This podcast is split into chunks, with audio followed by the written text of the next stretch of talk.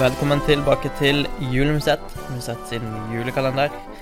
Vi har nådd eh, 23. desember, dagen for dagen, kvelden for kvelden.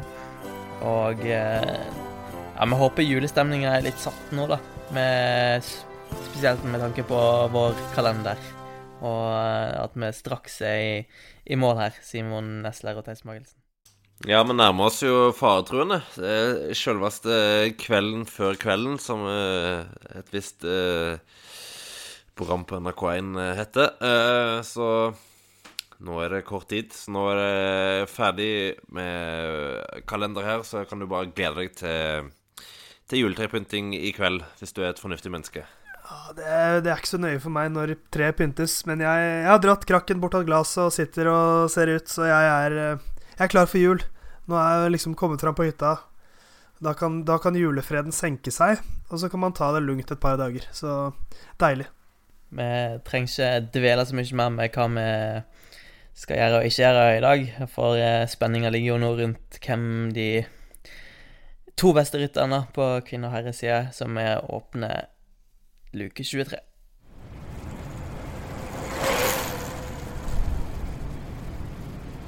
La Course, altså kvinnerittet til Tour de France, endagsrittet, er jo en gyllen anledning for damene til å vise seg frem for eh, hele verden. En eh, ganske sjelden sjanse for deres del.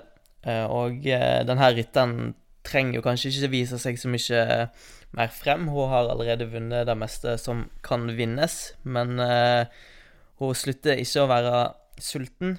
Og eh, i det som var tempoløypa til herrene, så sykla jo da eh, kvinner fire runder. Fem runder. Eh, og eh, Amanda Spratt hadde gått løs og lå solo og prøvde å, å holde unna, og de kom inn i den her lille knekkeren inni på. Der eh, blant annet Julian Alaphilippe eksploderte opp på herrene sin tempo, og eksplosjon ble det òg i damerittet. For uh, på den mest uh, Marianne Voss-esk måten så uh, eksploderte hun òg og fløy opp den stigninga. Og vant La Course for andre gang. Og har som sagt vunnet det meste som kan vinnes. Og etter noen litt magre år og har hatt litt problemer, så var hun virkelig tilbake i år og tok 19 seire. Den meste vinner kvinner. Og eh, spesielt eh, høsten hennes var jo formidabel, som på mange måter starta da La Course og fortsatte utover. Og blant annet med, med tre etappeseiere i, i Ladies Tour of Norway, og fortsatte inn i eh, Tour eller Ardesh, hvor hun starta med tre etappeseiere og avslutta med tre etappeseiere. Og ble ikke hennes eh, fjerde VM-tittel, da, men eh, allikevel en helt uh, utrolig sesong for Marianne Foss. Ja, de som trodde at uh, Marianne Foss var ferdig, de fikk, de fikk grundig feil.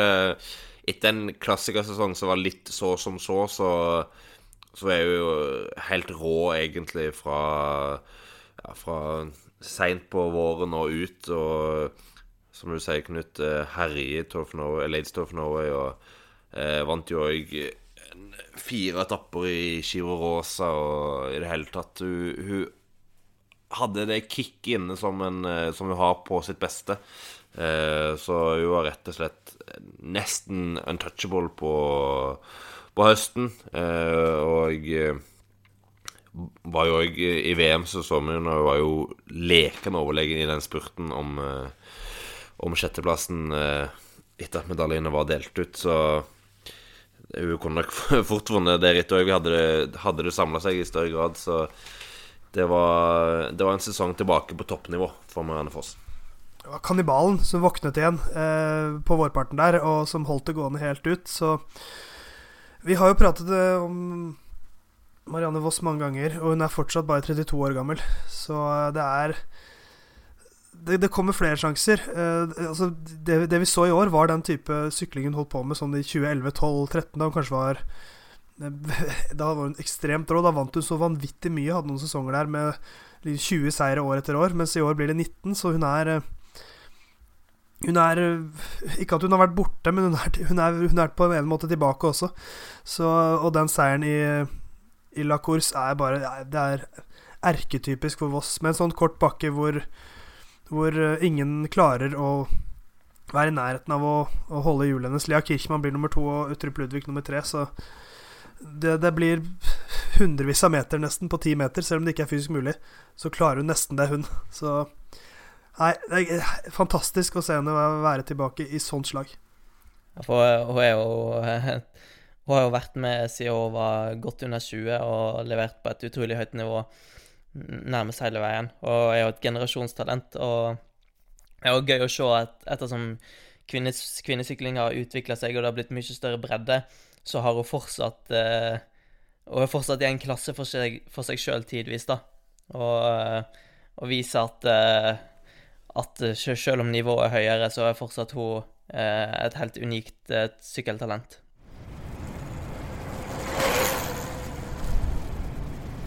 På andreplass hos eh, guttenes toppliste så finner vi mannen som kanskje er årets mest underholdende rytter, men det holder da bare til andreplass. Vi skal til Frankrike og den franske folkehelten som eh, tente et håp i franske sykkelhjerter som jeg ikke tror har vært tent på, på en god stund. Han klamret til seg den gule trøya tidlig i rittet med en etappeseier.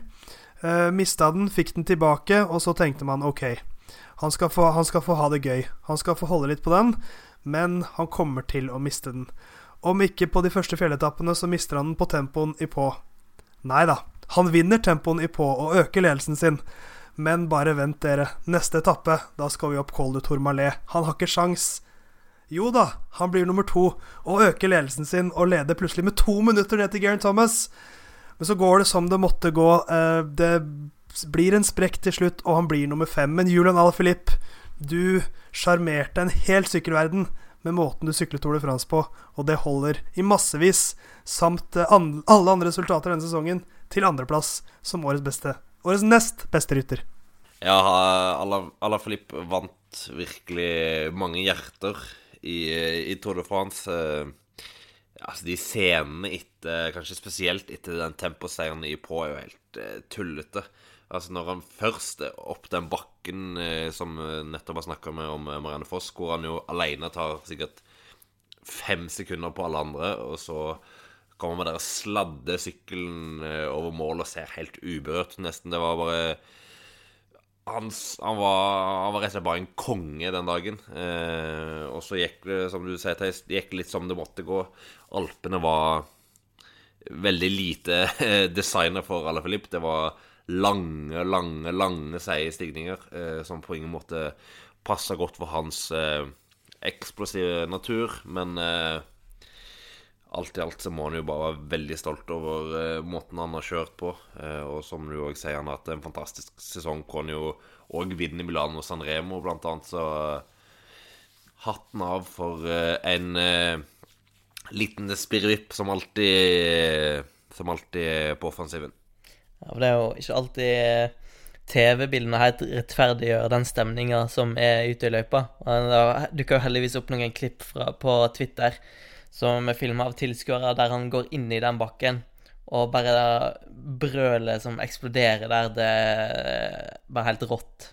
Jeg antar de fleste sykkelfans har, har sett det. Jeg får nesten frysninger bare av å tenke på det. det. Det er en sånn Rittet trengte det her. Jeg tror Frankrike trengte det her. Både, både han, altså Thibaut Pinot sin innsats også, men det var jo Alaphilippe som var the man under Tour de France. Selv om han ble nummer fem til slutt, så er det han som jeg føler er på en måte Altså Hvis, hvis jeg skulle valgt med hjertet, så hadde han kanskje vært på toppen av den lista. Uh, men han blir nummer to fordi at vi tenker kanskje litt med hodet også. Men, uh, men han, han, er jo så, så lett å li like som syklist. Han er så offensiv. Han har så Han er bare et utseende hans er så sånn Så passende for måten han sykler på, og måten han vinner den etappen til Epernay på, som du sier, Simon. Han vinner trip til på og så sitter man på Col de Tourmalet, og så henger han med. Og så sitter man også med en følelse på at kanskje han kunne tatt seieren, men så er det Tibo Pinot som tar den, og da er det liksom greit. Så Og så må vi heller ikke glemme våren hans, hvor han vinner Strade Bianche, og han vinner uh, Milano San Remo, så Og, og Flesh Fallon. Det skal vi, skal vi, heller ikke glemme. Så det er en helt vanvittig sesong av 27-åringen som uh, Ja, han, han, fortsetter bare å vokse og vokse. Både som underholder og som syklist.